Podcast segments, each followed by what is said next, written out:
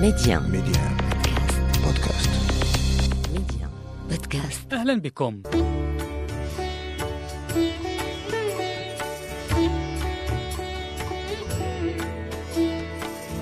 حلقة جديدة نحاول أن نفهم من خلال النقاش فيها مقاصد الصيام في مختلف الديانات السماوية والوضعية.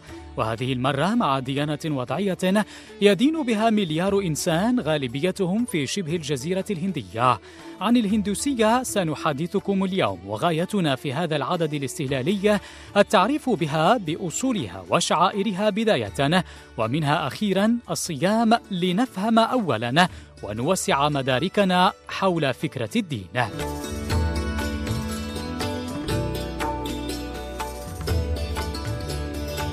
إذا لمناقشة الموضوع نستضيف اليوم الأستاذ فؤاد الغزيزر أستاذ حوار الحضارات ومقارنة الأديان بجامعة الحسن الأول بسطات. مرحبا بك أستاذي الكريم وشكرا على قبول الدعوة. السلام عليكم ورحمة الله وبركاته. شكرا جزيلا لكم على دعوتكم الكريمة وشكرا جزيلا لأسرة البرنامج. أهلا ومرحبا أستاذي الفاضل. بداية أستاذ الغزيزر قبل أن نخوض في مناقشة عبادة صيام أو شعيرة صيام في الديانة الهندوسية هل لك أن آه، تقدم لنا هذه الديانة كخطوة أولى نستهل بها النقاش. آه، من يكون مؤسسها أو مؤسسوها؟ منذ متى بدأت مثلا؟ على أي أسس تستند؟ ولماذا تسمى أيضا بالبراهمية؟ لأننا في الغالب آه، نسمع بالهندوسية وقد نعرف بعضا من آه، شعائرها ولو بشكل سطحي جدا من خلال آه، مخلفات السينما آه، البوليودية طبعا على الأقل. لكن لا نبحث في الغالب عن أصل هذه الديانة الوضعية. وعلى ما تقوم عليه.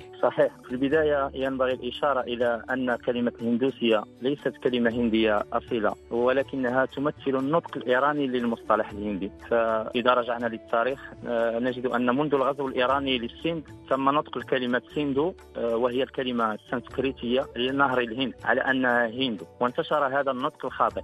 واشتقت منه المشتقات الأخرى مثل الهندوس والهندوسية ونهر الهند والهند والهنود وهكذا امتد هذا الاستخدام الخاطئ ليطلق على السكان الأصليين لشمال ووسط وجنوب الأمريكيتين.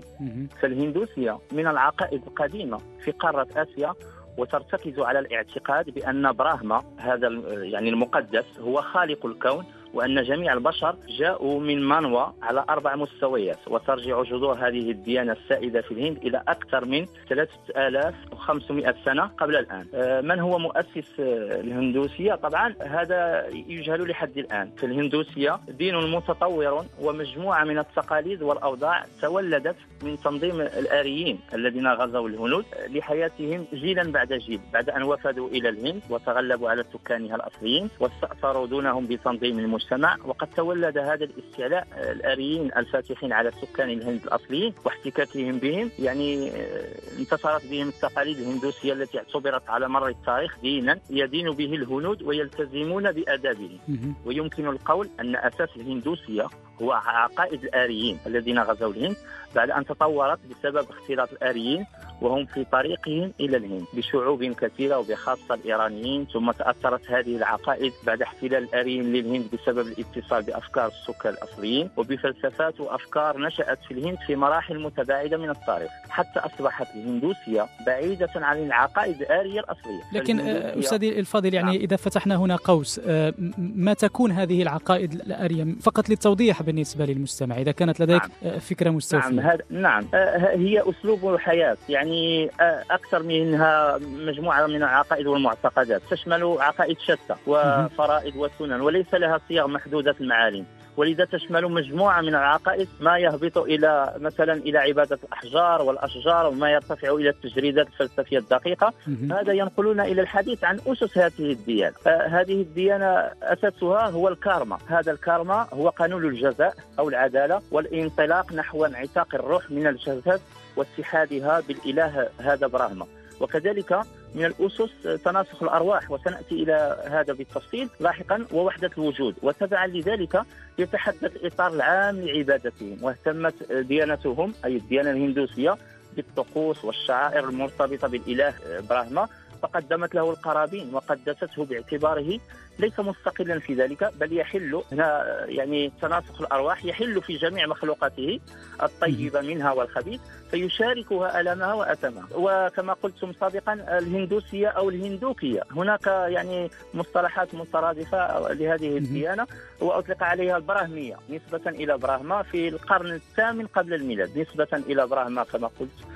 وهو القوة العظيمة السحرية الكامنة التي تطلب كثيرا من العبادات كقراءة الأدعية وإنشاد الأناشيد وتقديم القرابين ومن براهما اشتقت كلمة البراهمة لتكون علما على رجال الدين الذين كان يعتقد أنهم يتصلون في طبائعهم بالعنصر الإلهي وهم لهذا كانوا كهنة الأمة. لا تجوز الذبائح إلا في حضرتهم وعلى أيديهم.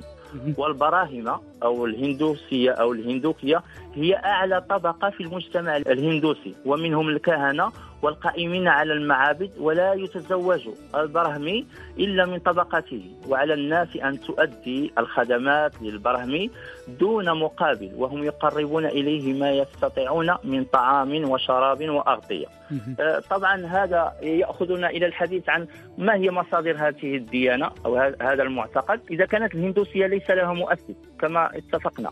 فإن الفيدا الكتاب المقدس الذي جمع العقائد والعادات والقوانين بين الضفتين ليس له كذلك واضع معين وهو مصدر الهندوسية. ويعتقد الهندوس أنه أزلي لا بداية له وملهم به قديم قدم الملهم. ويرى الباحثون من الغربيين والمحققين من الهندو من الهندوس أنه قد نشأ في قرون عديدة متوالية لا تقل عن عشرين قرنا. بدأت قبل الميلاد وقد أنشأته أجيال من الشعراء والزعماء الدينيين والحكماء الصوفيين وفق تطورات الظروف وتقلبات الشؤون. فالفيدا كلمة سنسكريتية مشتقة من الأصل فيد بمعنى يعرف والمقصود الكتب المقدسة الهندوسية الأقدم. يعني, يعني الكتاب المقدس الأقدم عند الهندوس هو اسمه الفيدا. يعني هنا أستاذ آه، فقط عذرا على مقاطعتك يعني من باب التوضيح فقط. بمعنى أننا هنا أمام كتاب لا يشمل قواعد ثابتة وإنما متغيرة ومتراكمة عبر الزمن. صحيح. وهو هذا يضم أصفار صفر. يعني مجموعة من الأصفار وهي أربع هي الريج فيدا تضم مجموعة الأناشيد لتمجيد, لتمجيد الآلهة. والصما فيدا وهي ترانيم تصاحب تقديم القرابين. وكذلك الياجور فيدا وهي نصوص إضافية مرتبة حسب القرابين. وأخيرا الإسرا فيدا الذي يعرف بصفر الفقراء. والذي يضم نصوصا يفسرها البعض على أنها مادة آه، للسحر وللرقية السحرية. كذلك للهندوسية كتب مقدسة أخرى تنظم شؤون حياتهم والثقافية والاجتماعية وتمثل مرجعا لأغلب شؤونهم الحياتيه تسمى مانوسامارتي الذي يعد المصدر الأساسي للتشريع في الديانة الهندوسية. هذا يعني الكتاب الثاني. هذا الكتاب نجد فيه عقيدة التناسخ أي أن الروح تنتقل في عدة أجسام من خلال رحلتها في الوجود. حتى تصل إلى غايتها النهائية وأن كل الأشياء الحية لها أرواح متساوية تختلف من خلال قانون الكارما الذي تحدثنا عنه سابقا الذي هو تأثير الأعمال السابقة التي تؤدي إلى تناسخ الروح في عدة أشكال من الجسم. وإضافة إلى وحدة الوجود هذا الكتاب يتحدث عن وحدة الوجود وهو القول بأن الله في كل شيء وأن الوجود هو الله. ومارسوا العديد من الشعائر الهندوسية مارسوا العديد من الشعائر والعبادات منها الصلاة والصوم والحج لتلبية أغلب احتياجاته واحتياجات المتعبد الهندوسي الدينية والروحية. طيب أستاذ العزيز يعني قبل أن نخوض هنا في مسألة العبادات والشعائر أود فقط نعم. أن آه، آه، آه، نعرج على مسألة معينة على ذكرك أو بذكرك لفكرة الإله في الهندوسية. الهندوسية طبعا يدين بها تقريبا المليار نسمة منهم 890 مليون نسمة تقريبا في شبه القارة الهندية وحدها. الأمر الذي يجعلها ثالث أكبر ديانة في العالم من حيث المعتنقين. بمقابل هذا العدد الهائل من المعتنقين يقابله أيضا عدد هائل من الآلهة التي تعبد من خلال هذا المعتقد. يعني في كل منطقة ربما هناك إله لكل شيء هناك آه، إله. سؤالي هنا لماذا هذه المسألة؟ بمعنى هل فكرة الإله هنا بسيطة لهذه الدرجة؟ يعني لدرجة أن نخلق إله لكل شيء؟ نعم سؤال وجيه. آه، ينبغي أولا أن نعرف أنواع الآلهة أو أسماء الآلهة المشهورة عندهم. يعني عندهم ثلاث آلهة. عندهم كما ذكرنا براهما وهو الإله الخالق مانح الحياة والقوة. آه، تصدر عنه جميع الأشياء والتي يرجى كرمه ولطفه وجميع آه، يعني ما يطلبه منه الأحياء. وينسبون هذا البراهما ينسبون إليه الشمس التي بها يكون الدفء في وانتعاش الأجسام وتجري الحياة بهذا الإله هو الذي يقوم بإجراء الحياة. في النبات والحيوان كما يزعمون. هناك إله آخر عند الهنود يسمى شيفا. هذا الإله الثاني شيفا إله الحرب أو آه، إله التخريب الذي يخرب كل شيء ينسبون إليه. مثلا آه، كما قلت العديد من الآلهة منها إله النار. نسمع بأنه إله النار هذا هو إله شيفا آه، الذي ينسبون إليه خلق النار باعتباره عنصرا مدمرا. ثم هناك إله آخر إله فيشنو فيشنو أو فيشنوا. وهو الذي حل في العالم ليقيه الفناء التام. هذه الآلهة المشهورة جدا في الهند هي الآلهة الثلاثة. آه ثم يرون أن هذه الآلهة الثلاثة هي أقانيم تجتمع في إله واحد هو الروح الأعظم واسمه عندهم أطاما أطاما هو الذي يجمع هذه الآلهة كلها. أستاذ فؤاد الغزيزر استوفينا زمان الحلقة الآن. سنعود لتكملة هذا الحديث في العدد المقبل بحول الله حول آلهة الهندوسية. ممتن لك سيدي الفاضل لوقتك وتوضيحاتك وممتن لكم أيضا مستمعينا للمتابعة إلى اللقاء ميديا. ميديا. بودكاست ميديا. بودكاست